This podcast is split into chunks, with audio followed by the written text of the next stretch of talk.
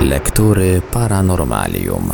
Dziś w Radio Paranormalium kontynuujemy prezentację książki Olgierda Wączka Człowiek i tamci z kosmosu, wydanej w 1983 roku. Jest to niezwykła książka poświęcona kosmosowi, planecie Ziemia, człowiekowi oraz obcym. Książkę na naszej antenie prezentujemy w odcinkach w całości.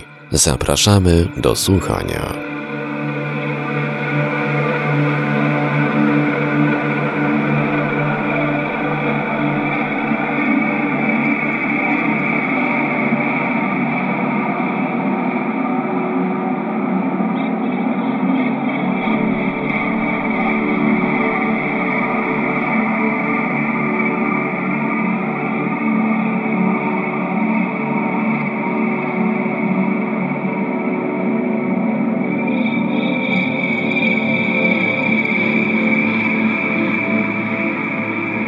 Początku był chaos mgławicy okołosłonecznej, kłębiącej się wokół powstającej gwiazdy. Krążyły i wirowały gazy i ziarna pyłu. W ciągu dziesiątków i setek milionów lat skupiały się w bryły, w nawarstwiające się, wypełnione gazem ciała nazywane przez nas planetezymalami. A potem, dzięki specyficznym mechanizmom oddziałującym w materii, nastąpił skok. W stosunkowo krótkim czasie, drobnym w kosmicznej skali, Planetezymale, zderzając się ze sobą, utworzyły protoplanety. Były to duże ciała, nabrzmiałe od gazów, o średnicach może i dziesięciokrotnie większych niż obecnie.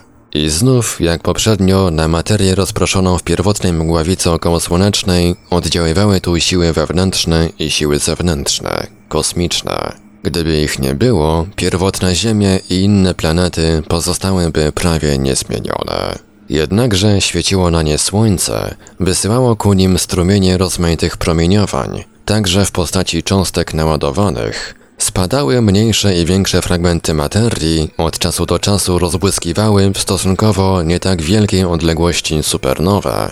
Cały układ wnikał w obłoki materii międzygwiazdowej. Jednocześnie oddziaływały pola grawitacyjne gwiazdy centralnej i własne, a jak w przypadku Ziemi, również niemałego księżyca. Materia ciał ulegała nieustannym naciskom i zderzeniom, była popychana, ściskana, potrącana, uderzana. Nie było i nie ma w kosmosie spokoju. Pantarej, wszystko płynie. Dopiero jednak od niewielu lat zaczęliśmy zdawać sobie sprawę z tego, że dzieją się rzeczy osobliwe. W prawie że pustej przestrzeni kosmicznej materia rozprasza się w postaci okruchów i promieniowania. Jednocześnie w innych miejscach ulega skupianiu i co więcej dźwiga się wzwyż, osiągając coraz doskonalsze poziomy organizacji i rozwoju. Pod wpływem różnych sił zewnętrznych w odpowiednich warunkach odchyla się ona od stanu równowagi i wynikiem tego nacisku jest nie chaos, lecz przejście do innego stanu. Ziemia i inne ciała Układu Słonecznego, znajdując się w sieci najrozmaitszych oddziaływań, ulegały więc przemianom, przede wszystkim rozwarstwieniu. Jest to jakaś specyficzna własność materii, którą człowiek naśladuje w swoich wyrobach. Robi to jednak w sposób sztuczny, wytwarzając materiały warstwowe czy konstruując warstwami różne urządzenia. W naturze ów rozdział następuje samorzutnie. Z chaotycznej mieszaniny różnych substancji powstają układy rozdzielonych postaci materii. I tak w skokowym procesie zwanym katastrofą żelazną w Ziemi i niektórych innych ciałach lawinowo nastąpiło wydzielanie się metali i skupienie w jądro. Atmosfera uległa rozwarstwieniu. Powstała troposfera, w której rozgrywają się wszystkie zjawiska meteorologiczne, stratosfera, bardzo zimna i stosunkowo statyczna, mezosfera, w której pod wpływem promieniowania słonecznego przebiegają reakcje fotochemiczne i gorąca, ale bardzo już rozrzedzona termosfera.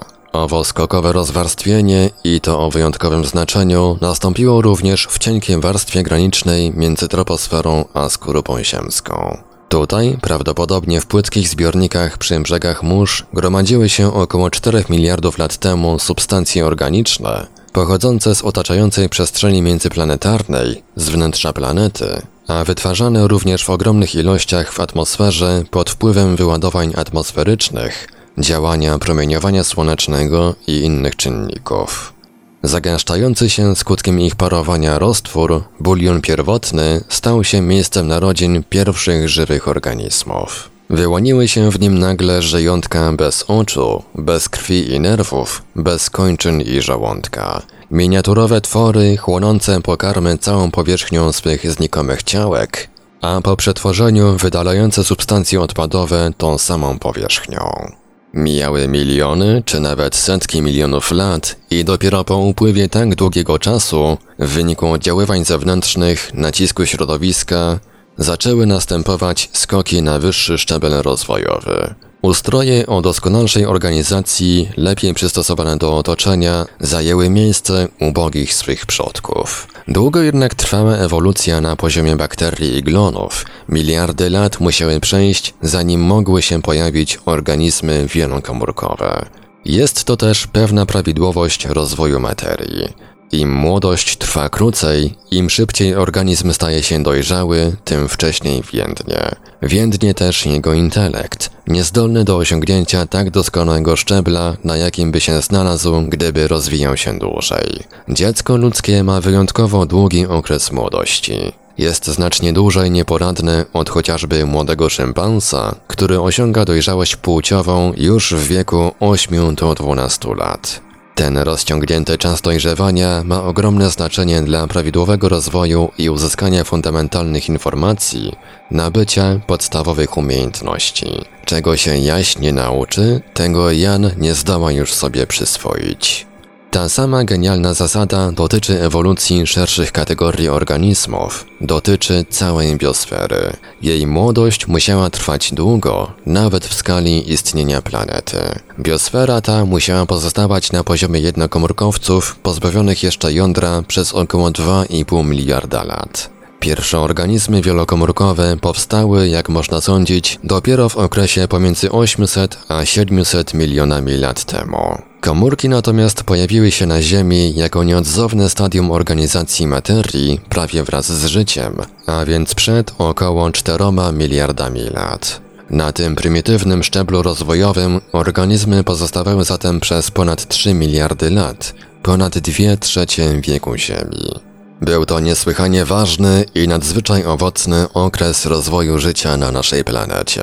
W tym właśnie czasie powstawały coraz bardziej złożone cykle przemian chemicznych, stopniowo ewoluujących organizmach, tworzyły się zalążki specjalnych aparatów, narządów pełniących funkcje trawienne, wydalnicze, wytwarzających energię nieodzowną do prawidłowego funkcjonowania całości, produkujących substancje budulcowe, obserwujących otoczenie i umożliwiających wyzwalanie odpowiednich reakcji organizmów. Następowała specjalizacja ruchów, przemian i czynności. Wpierw w obrębie komórek, która później na wyższym poziomie miała zostać zrealizowana w organizmach złożonych, a potem na jeszcze większą skalę w społeczeństwach.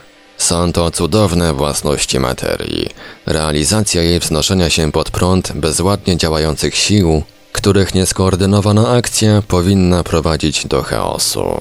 Jest wiele nieporządku we wszechświecie, dzięki czemu nie przypomina on beznadziejnie monotonnego zbioru kostek ułożonych w równych szeregach i warstwach. Jest zmienny, barwny i piękny. Ale wśród tej paplaniny materii, rozrzedzonej i skupionej, mieszającej się nieustannie i przemieszczającej na większe odległości, powstają samorzutnie twory o harmonijnej strukturze, przekształcające się w odpowiednich warunkach w doskonalsze. Żyjemy dziś w wyjątkowych czasach, kiedy młode wino, fermentując, rozsadza stare, niedostosowane do niego bukłaki. W tej właśnie epoce, choć zdecydowana większość tęskni do porządku i harmonii, są tacy, którzy nie chcą zauważać piękna wznoszenia się i rozwoju, które wydaje się im brutalnym skrępowaniem swobody.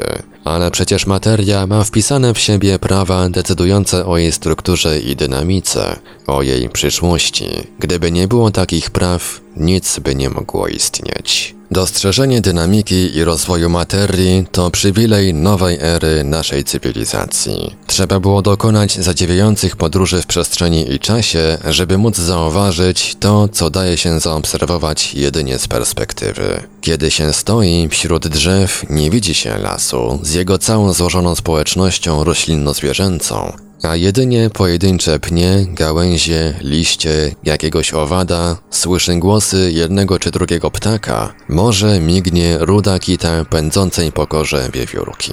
Przemiany flory i fauny, nie w postaci prostej zmiany położenia, następują tu wolno w porównaniu z tempem życia człowieka. Dopiero kiedy można zobaczyć wiele, bardzo wiele różnych form, podobnych i niepodobnych do siebie, w różnych stadiach rozwojowych, w wielu sytuacjach, kiedy ma się możliwość porównania bogactwa na rozmaitszych zdarzeń i zjawisk natury, można pokusić się o ich uporządkowanie, próby znalezienia logicznych ciągów, pierwsze syntezy. Charles Darwin był tym, który natrafił na taką okazję, wykorzystał ją i dojrzał światło prawdy. Miał zaledwie lat dwadzieścia kilka, gdy jako niepłatny przyrodnik popłynął żaglowcem Beagle do Ameryki Południowej. Był to koniec grudnia 1831 roku. Bystry dar obserwacji, tropikalne bogactwo flory i fauny, wiele miejsc odwiedzonych, wszystko to złożyło się na niezwykły i nieprzeczuwany wynik podróży. Po pięcioletniej wędrówce Darwin powrócił w przeświadczeniu, że gatunki, podobnie jak to się okazało później z atomami, nie są czymś niewzruszonym ulegają przemianom. Jaka była jednak przyczyna tych transformacji? Aż trudno uwierzyć, że wyjaśnienie pojawiło się w umyśle młodego przyrodnika przy okazji lektury rozrywkowej w postaci rzecz zupełnie nieprawdopodobna książki głośnego i dziś Tomasa Maltusa. Jak wiadomo, Malthus twierdził m.in., że ludzkość rozmnaża się szybciej niż przybywa żywności. Darwin w przebłysku zrozumiał, iż to samo może dotyczyć świata zwierzęcego, a jeśli tak jest, to jego przedstawiciele muszą konkurować ze sobą, aby przeżyć. Następuje więc dobór naturalny. Słabsi są usuwani i giną. Ginąć też muszą gorzej przystosowane gatunki, a ich miejsce zajmują nowe. Jest to złożona i do dziś dnia nie w pełni zrozumiana sprawa. Nacisk środowiska zewnętrznego, nacisk sił przyrody nie powoduje po prostu zmiany kształtu, zwyczajów, funkcji roślin i zwierząt, a nawet najprostszych bakterii. Następuje to dzięki przemianom wewnątrz organizmów, w głębi ich komórek rozrodczych, odpowiedzialnych za przekazywanie cech fizycznych i działania tych organizmów z pokolenia na pokolenie. Mówiąc językiem współczesnym, cały przepis na bakterie, rośliny, zwierzę zawarty jest w ich tak zwanym aparacie genetycznym, zapisany tam zakodowanej postaci w cząsteczkach specyficznych, bardzo złożonych związków, zwanych kwasami nukleinowymi. Ten przepis musi być i jest wyjątkowo skutecznie chroniony przed zmianami, a jednocześnie tym zmianom podlega i musi podlegać. Gdyby był usztywniony, organizmy byłyby wszystkie jednakowe. Rzecz szokująca, wręcz niesamowita. Nieszczęście polegałoby jednak przede wszystkim na zupełnej bezbronności takich organizmów wobec zmian warunków środowiska. Gdyby owa niezmienność występowała już w pierwszych formach życiowych na Ziemi, nie mogłyby się one w ogóle rozwijać. Nie powstałyby żadne doskonalsze postacie,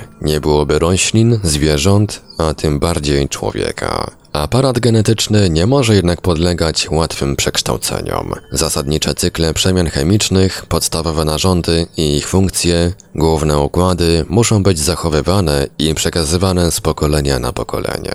Dlatego też w aparacie genetycznym, podobnie jak w aparaturze obiektów kosmicznych, zastosowanie znalazło zwielokrotnienie.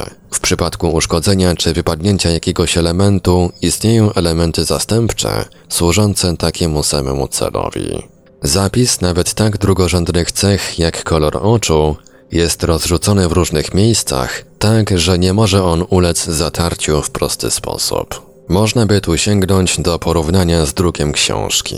Zecerowi w wyrazie kura wypadła pierwsza czcionka i jakimś trafem zastąpił ją literą R. Zamiast poczciwego ptaka domowego pojawiła się rura. Na szczęście wyraz ten nie był w tekście osamotniony tkwił w zdaniu, które pierwotnie brzmiało na grzędzie siedziała kura. Po metamorfozie na grzędzie pojawiła się rura, ale nawet niezbyt rozgarnięty czytelnik pozna od razu prawdziwy sens zdania.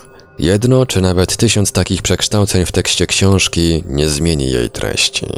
Zmiany zapisów w aparacie genetycznym nazwano już dawno mutacjami, co stanowi przyczynę ich powstawania. Jednym z potężnych czynników wywołujących mutacje jest promieniowanie jonizujące, zwłaszcza w postaci masywnych cząstek naładowanych, które jako pociski działają bardzo brutalnie. Drobiny kwasów nukleinowych aparatu genetycznego podlegają jednak również różnym samorzutnym przeobrażeniom, które okazały się znacznie częstsze niż skłonniśmy byli to przypuszczać. Jest logiczne, że w świecie takim jaki jest, z jego niezliczonymi oddziaływaniami, cząstki takie nie mogą pozostawać absolutnie niezmienne. Zawarte w nich przepisy są przekazywane z pokolenia na pokolenie w nieco przekształconej postaci.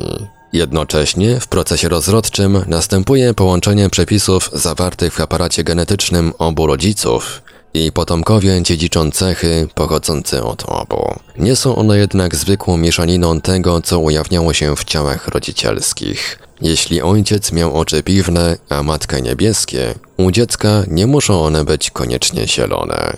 Pewne cechy są dominujące, inne niejako ukrywają się w cieniu i mogą przez wiele pokoleń pozostawać jedynie w zapisie genetycznym. Owo przekształcenie się zapisów w wyniku przemian samorzutnych, wymuszonych i spowodowanych łączeniem się płci pozostaje długo w granicach pewnej normy, którą określamy nazwą gatunku. Jest tu daleka, ale pouczająca analogia z wytworami przemysłowymi, które w przedziale odpowiednich rozmiarów zaliczane są do określonego typu wyrobu. Ale niekiedy zmiany są dość zasadnicze i w dalszych pokoleniach pojawiają się osobniki na tyle różniące się od dawnych swoich bliskich krewnych, że stanowią już przedstawicieli nowego gatunku.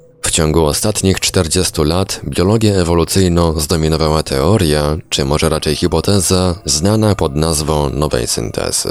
Termin ten wprowadził w roku 1942 Julian Huxley, wybitny przyrodnik angielski, wnuk Thomasa Henry'ego, który, jak wiadomo, tak bardzo się zasłużył dla rozgłosu i utwierdzenia poglądów Darwina. Nowa synteza stanowiła odrodzenie darwinizmu w udoskonalonej postaci, dostosowanej do współczesnego stanu wiedzy. Julian Huxley i jego koledzy popierający nową syntezę zatriumfowali w roku 1946 na słynnej dziś konferencji w Princeton. Ich poglądy zostały powszechnie zaakceptowane i stały się pewnym wyznaniem wiary współczesnych ewolucjonistów. Jakie były główne jego tezy? Uznano, że źródłem zmienności żywych organizmów są mutacje punktowe, drobne zmiany zapisów w aparacie genetycznym.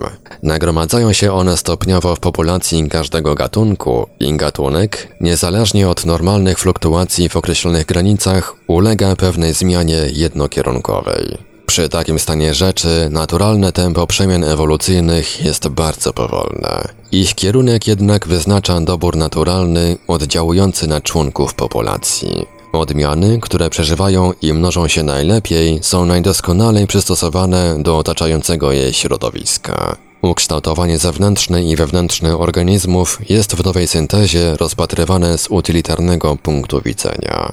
Z biegiem czasu zaczęto się zastanawiać, czy jest to cała prawda o ewolucji, o jej przebiegu. Czy nie położono zbyt wielkiego nacisku na praktyczną stronę zagadnienia, czy jej nie przeceniono. Owe drobne zmiany postulowane w nowej syntezie, oczywiste w świetle zebranych informacji, a nazwane mikroewolucją, nie tłumaczyły, jak się okazało, wszystkiego. Nie wyjaśniały tak podstawowego zjawiska jak makroewolucja, to znaczy przekształceń prowadzących do tworzenia się nowych gatunków i wyższych kategorii taksonomicznych. Do spięcia doszło na wielkiej konferencji, jaka się odbyła w roku 1980 w Muzeum Przyrodniczym w Chicago. Choć z perspektywy tak krótkiego czasu, jaki upłynął od daty tego wydarzenia, nie sposób zdobyć się na zupełnie obiektywny osąd, wydaje się, iż spotkanie w Chicago miało tak samo przełomowe znaczenie jak kiedyś zebranie w Princeton.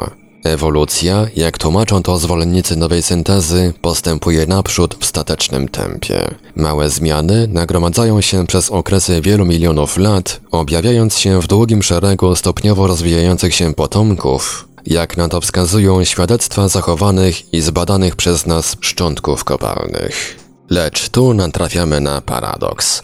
Zgodnie z opinią większości paleontologów, zasadniczą cechą poszczególnych gatunków, tak jak je oglądamy w postaci ich szczątków kopalnych, jest zastój, a nie zmiana. Szczątki, nikt tego nie kwestionuje, odzwierciedlają stały wzrost różnorodności i złożoności organizmów, przy czym jedne z nich wygasają, a pojawiają się nowe. Lecz z zasady pozostałości kopalne nie odzwierciedlają bynajmniej płynnego przejścia od starych do nowych ukształtowań. Gatunki, powiedział na konferencji w Chicago Stephen Gould z Uniwersytetu Harvarda, pozostają w swych szczątkach kopalnych niezmienione przez miliony lat, a potem nagle znikają, by zostać zastąpione przez coś, co jest zasadniczo różne, ale wyraźnie spokrewnione. Brak istnienia form przejściowych tłumaczono tradycyjnie nietrwałością szczątków, które po prostu wskutek oddziaływań zewnętrznych i rozkładu wewnętrznego nie mogły się zachować po upływie geologicznych odstępów czasu. Nie można tego jednak uznać za regułę. Wydaje się wręcz niewiarygodne, by zawsze i absolutnie wszędzie musieli znikać świadkowie z pogranicza starego i nowego gatunku, a tym bardziej wyższych kategorii taksonomicznych. W Chicago wyraźnie sformułowano pogląd bardziej zgodny z wynikami badań i obserwacji natury. Poszczególne gatunki długo pozostają stabilne, a ich niewielkie przemiany oscylują jedynie wokół pewnego stanu średniego. Wreszcie jednak stabilizacja ulega zakłóceniu przez nagłe wydarzenie. Przychodzi tu na myśl katastrofa dinozaurów, którego skutkiem nowy gatunek wyłania się z pierwotnego. Ten pogląd tkwił już w bardzo kiedyś odsądzanych od czci pracach Goldsmitha z lat 30., a wykrystalizował niedawno jako tak zwana hipoteza zaburzonej równowagi Goulda i Eldredge'a. Interesujące i bardzo znamienne są pewne uwagi poczynione na konferencji chicagowskiej i nie tylko w czasie jej trwania. Wskazano na przykład na jedno ze źródeł typowych nieporozumień między paleontologami a ekologami i genetykami. Jest nim pojęcie skali czasu. To, co jest chwilą dla paleontologa, powiedzmy 50 tysięcy lat, stanowi nadzwyczaj długi okres dla ekologa i genetyka. A przecież w tym właśnie czasie, nader krótkim w porównaniu z pięcioma czy dziesięcioma milionami lat, przez jakie większość gatunków istnieje, może, zdaniem Goulda, powstać nowy. Dalej, owo przystosowanie się do warunków otaczającego środowiska, znane pod nazwą adapcjonizmu, nie może być uznane za wszechwładne. Za przykład niech posłuży czworonożność kręgowców lądowych. Można by to wprawdzie potraktować jako optymalne dostosowanie do warunków poruszania się po lądzie, ale przecież przodkowie, którzy żyli w wodzie, ryby, też mieli cztery kończyny w postaci płetw. Co więcej, kręgowce lądowe w swoim rozwoju płodowym powtarzają stadia swych praszczurów, łącznie przykład ze skrzelami i związanym z nimi krążeniem krwi. Zgodnie z nową syntezą powinno być możliwe powstawanie organizmów o wszelkich rozmiarach i kształtach, a jeśli ich nie ma, to dlatego, że zabrakło odpowiednich warunków środowiska.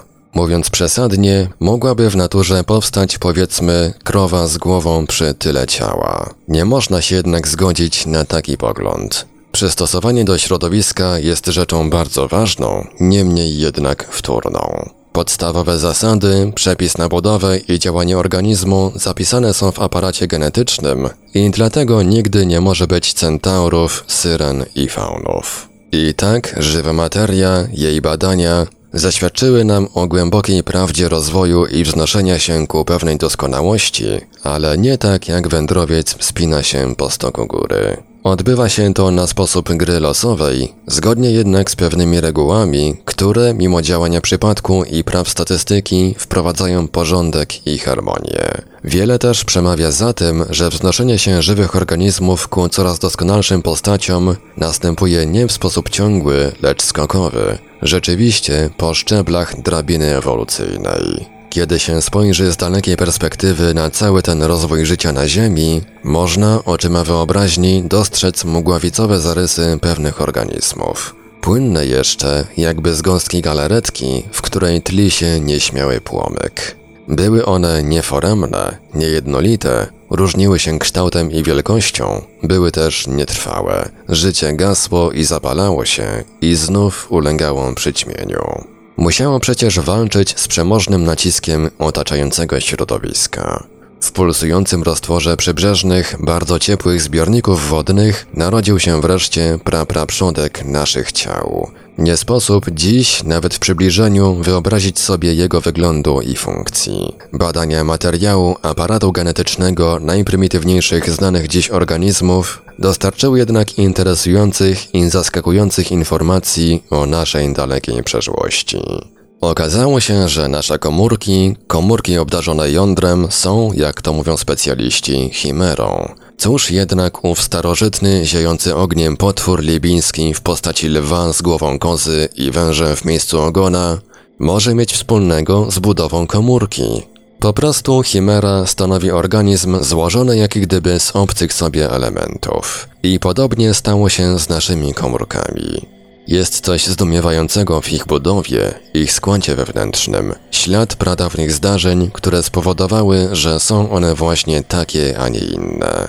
Nigdy zapewne nie dowiemy się wszystkich szczegółów, ale dzięki nadzwyczajnemu rozwojowi współczesnej nauki natrafiamy na ślady, które zdumiewają i mówią o zaskakujących nas faktach. Można obecnie sądzić, że po powstaniu najpierwotniejszych organizmów wyłoniły się z nich trzy różne ich rodzaje.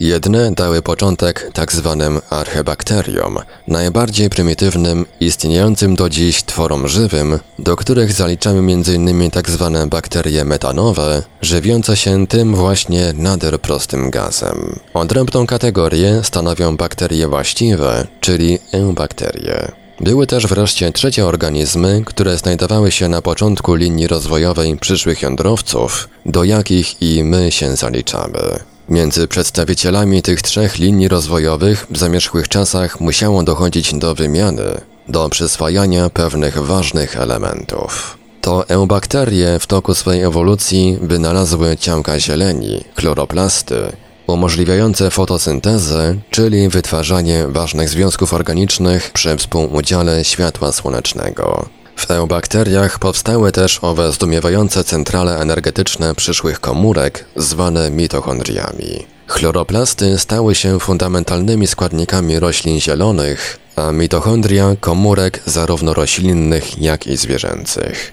Natomiast ich rybosomy, fabryki nowego białka, zawierają same co najmniej jedno białko pochodzenia archebakteryjnego. Tak więc cieleśnie nie pochodzimy ani od bakterii właściwych, ani prymitywniejszych od nich archebakterii, które powstały niezależnie od naszych praojców, ze wspólnego, jeszcze prostszego przodka. Zapożyczyliśmy jednak od przedstawicieli tamtych dwóch linii rozwojowych niesłychanie ważne ich własne zdobycze, bez których w ogóle nie moglibyśmy istnieć. Niezwykły i jakże logiczny był nasz rozwój. Pokonując czas i przestrzeń, możemy dostrzec, jak stopniowo wyłaniamy się z drobnych ciałek organizmów jednokomórkowych, w których wnętrzu zapisane były już dawno i realizowane za pośrednictwem odpowiednich urządzeń podstawowe funkcje ich potomków na znacznie wyższych szczeblach udoskonalonych kategorii taksonomicznych. Oddychanie, trawienie, wyzwalanie energii, przekazywanie informacji.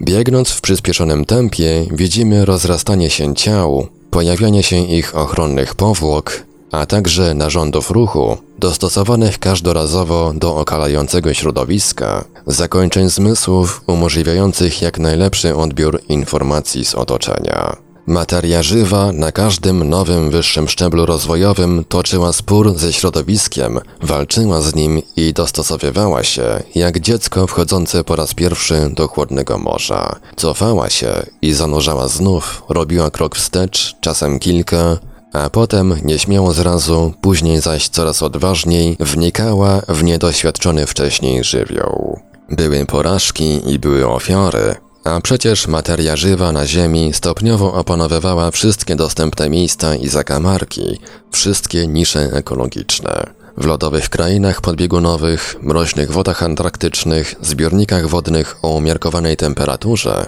w ciepłych wodach zwrotnikowych, a nawet gorących, kwaśnych i zasadowych źródłach ogrzewanych ciepłem wulkanicznym o temperaturze prawie wrzenia. Organizmy żywe zasiedlają dziś wnętrze gruntu, żyją pod powierzchnią i w ciemnych, przepastnych jaskiniach.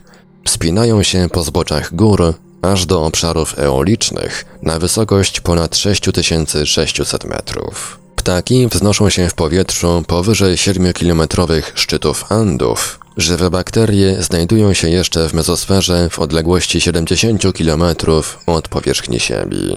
Organizmy morskie opuszczają się w wielkie głębiny, gdzie są aktywne i rozwijają się nawet w ciemnościach i pod wielkimi ciśnieniami. Wytworzyły się też hierarchiczne drabiny o wielu szczeblach, na których przekazywana jest materia żywa. W polu siły ciążenia materia ta ulega degradacji, opada i służy za pokarm materii wznoszącej się. Organizmy słabsze, gorzej przystosowane padają ofiarą silniejszych, a substancje rozkładające się są wykorzystywane przez nieprzebrane tłumy na niższych szczeblach drabiny życia. Nie tylko więc chroni się w ten sposób świat przed szkodliwymi produktami rozkładu, ale rozpadającą się materię przywraca życiu. Na Ziemi powstały zatem wielowarstwowe układy, biocenozy zharmonizowane z pokładem powierzchni planetarnej oraz z otaczającym środowiskiem skalnym, wodnym, gazowym i w ten sposób życie zakotwiczyło się, wrosło w swój glob i jest pomimo wszystko trudno zniszczyć je do szczętu. Nawet w kraterach po potwornych wybuchach jądrowych żyją owady, jak się okazało, odporne na nieprawdopodobnie wielkie dawki promieniowania jonizującego. Gdyby doszło na Ziemi do katastrofy wojny atomowej, nawet wtedy byłyby szanse przetrwania i późniejszego rozwoju życia. Oczywiście kołowrót ewolucji zostałby znacznie cofnięty i bieg jego stałby się bardzo zakłócony, pewnie przez czas jakiś chaotyczny. Powstałoby mnóstwo potworności, a źródła promieniowania jonizującego istniejące dziesiątki, setki, a nawet wiele tysięcy lat po kataklizmie stanowiłyby nie tylko ciągłe zagrożenie, ale i nieustanne miejsce nowych kaźni i zagłady. Natura jednak dysponuje mnóstwem mechanizmów oczyszczających i w końcu, ponieważ okresy jej działania mierzy się kosmiczną skalą czasu, już nawet nie milionów, lecz miliardów lat, pokonałaby zło i zapewne odnowiłaby życie na Ziemi. Byłoby ono już inne, choć w grubych zarysach powtarzające utrwalone w materii przepisy.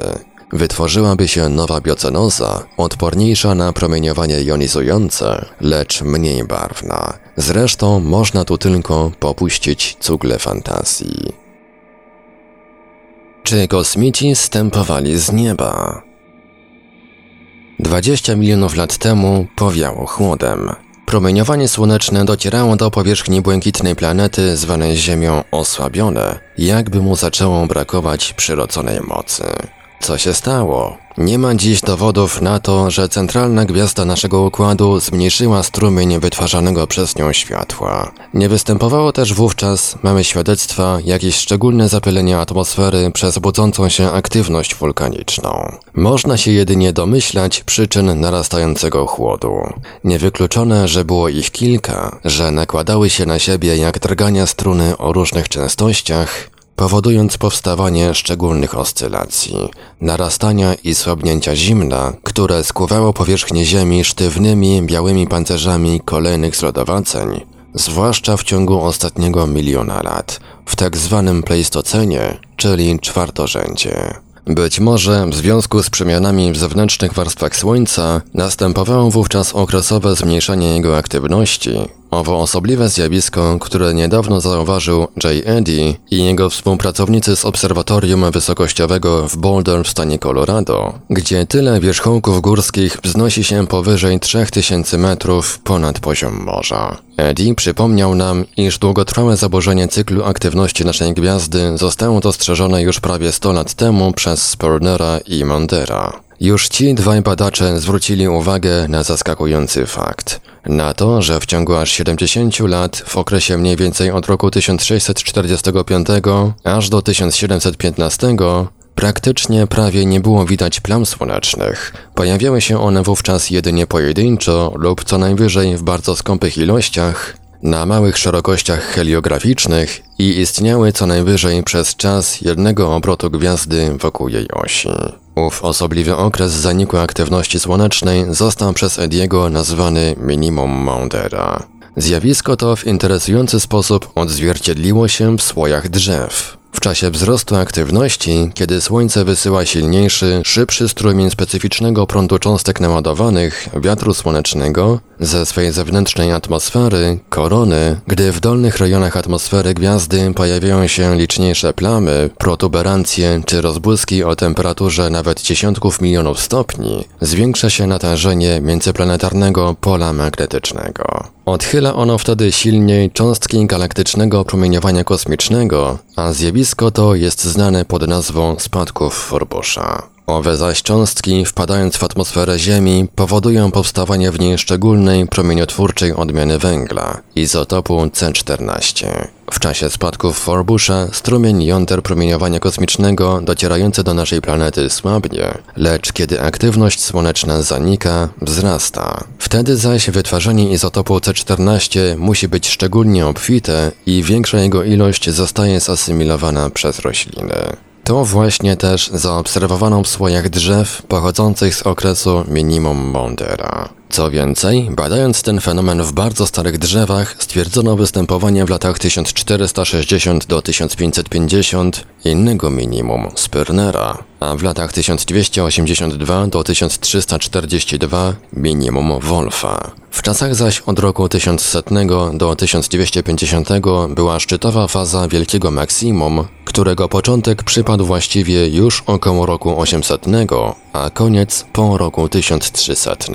W owym szczególnym okresie dryfujące lody arktyczne topniały do tego stopnia, iż między latami 800 a 900 tylko z rzadka pojawiały się na morzu w pobliżu Islandii i południowej Grenlandii, a w czasie pomiędzy rokiem 1020 i 1200 w ogóle ich nie widywano. Ośmieliło to żeglarzy i dzięki temu prawdopodobnie już przed rokiem tysięcznym, kiedy ledwie powstało państwo polskie, została przez Islandczyków odkryta Ameryka. Owa jej kraina, nazwana później przez wikingów Winlandią, czyli krajem wina, gdzie obecnie znajduje się stan Massachusetts, znany powszechnie nie dzięki produkowanym trunkom, lecz przede wszystkim wyższym uczelniom, Instytutowi Techniki MIT i Uniwersytetowi Harvarda. W okresie minimum Mondora natomiast, w drugiej połowie XVII wieku, kiedy myśli nasze i ręce były zaprzątnięte walkami ze Szwedami i Turkami, na północnej półkuli naszej planety przypadł szczytowy okres przejściowego oziębienia, nazwany Małą Epoką Lodowcową.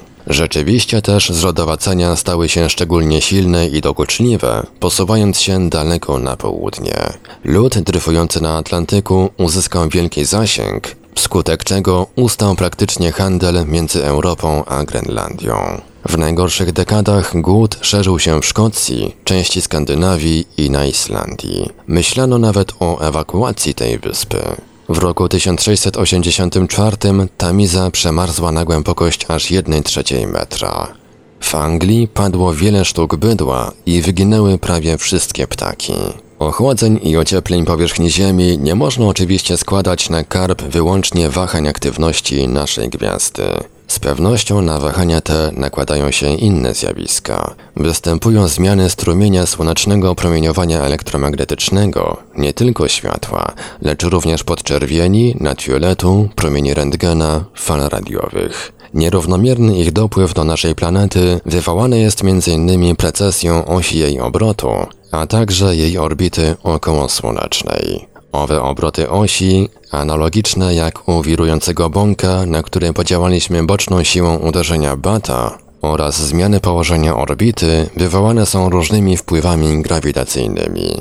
Usytuowanie osi obrotu Ziemi staje się inne, również na skutek wielkich przemian następujących wewnątrz samego globu. Czasami na naszej planecie rozpętuje się aktywność wulkaniczna. Przedsmak takiego wielkoskalowego kataklizmu przeżyli w latach 30. bieżącego stulecia mieszkańcy Chile i zachodniej Argentyny, kiedy rozszalały się liczne wulkany andyjskie, przez długi przedtem okres drzemiące, jakby zupełnie wygasłe. Pył erupcji odcina wtedy skutecznie dopływ światła i ciepła słonecznego do powierzchni Ziemi. Pył jednak, choć o odmiennym składzie, pojawia się też niekiedy w stosunkowo dużych koncentracjach w przestrzeni międzyplanetarnej, kiedy czasem Słońce wraz z całym swym układem wnika w gęste obłoki materii międzygwiazdowej. W obu przypadkach następować musi wyraźne oziębienie powierzchni naszej planety i jej zlodowacenie.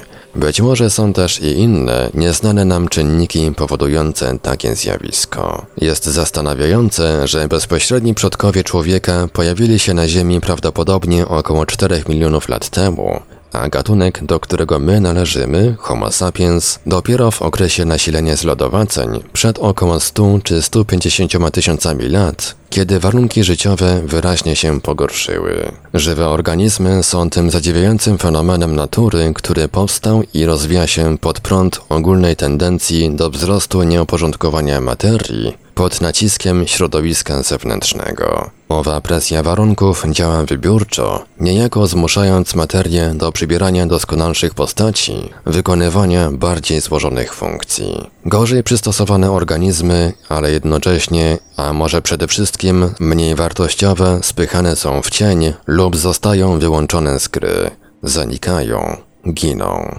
Musiało upłynąć około 4 miliardów lat, stosunkowo niewiele, mniej niż wynosi całkowity wiek naszej planety, by życie mogło się spiąć na zawrotne wyżyny istot inteligentnych.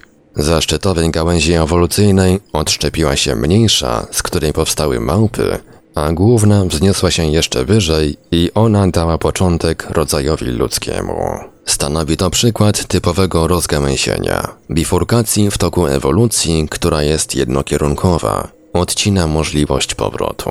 Jako doskonała ilustracja takiego przebiegu służy modelowe doświadczenie G. Ostera z Uniwersytetu Kalifornijskiego w Berkeley, który przeprowadził je w komputerze. Eksperyment obrazował rozwój ukształtowania skóry. Sfałdowania pewnych jej warstw w postaci wypiętrzeń prowadzą do rozwoju takich tworów jak łuski i pióra, wgłobienia zaś do powstania gruczołów, zębów i włosów. Wskazuje to, że nie może być gładkiego ewolucyjnego przejścia np. od piór do włosów, gdyż znajdują się one na dwóch oddzielnych ramionach rozwojowych. Podobnie drogi ewolucyjne człowieka i małp rozeszły się kilka milionów lat temu i nie jest możliwe jakiekolwiek przejście między tymi dwoma kategoriami.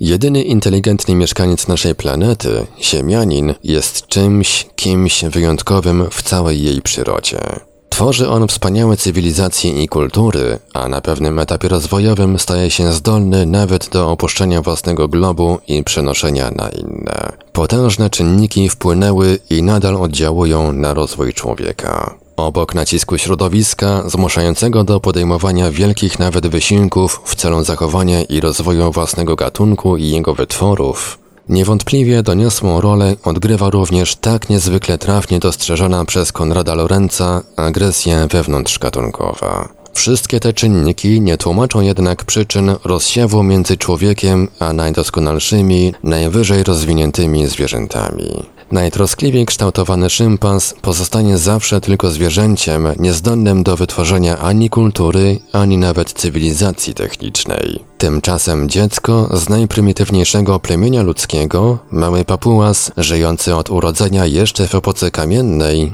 przeniesione do warunków rozwiniętego życia umysłowego, może osiągnąć szczyt rozwoju intelektualnego.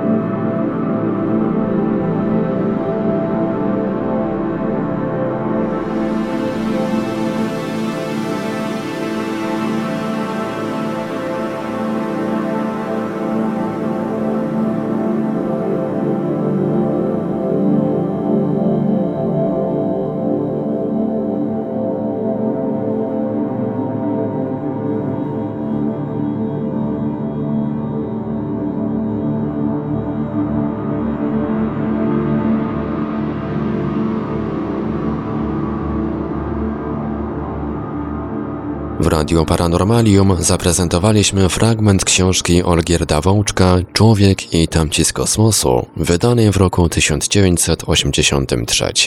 Dalszy ciąg w kolejnym odcinku Lektur Paranormalium. Archiwalne odcinki Lektur Paranormalium znajdziesz do pobrania w archiwum naszego radia na stronie www.paranormalium.com www.radiowrocław.pl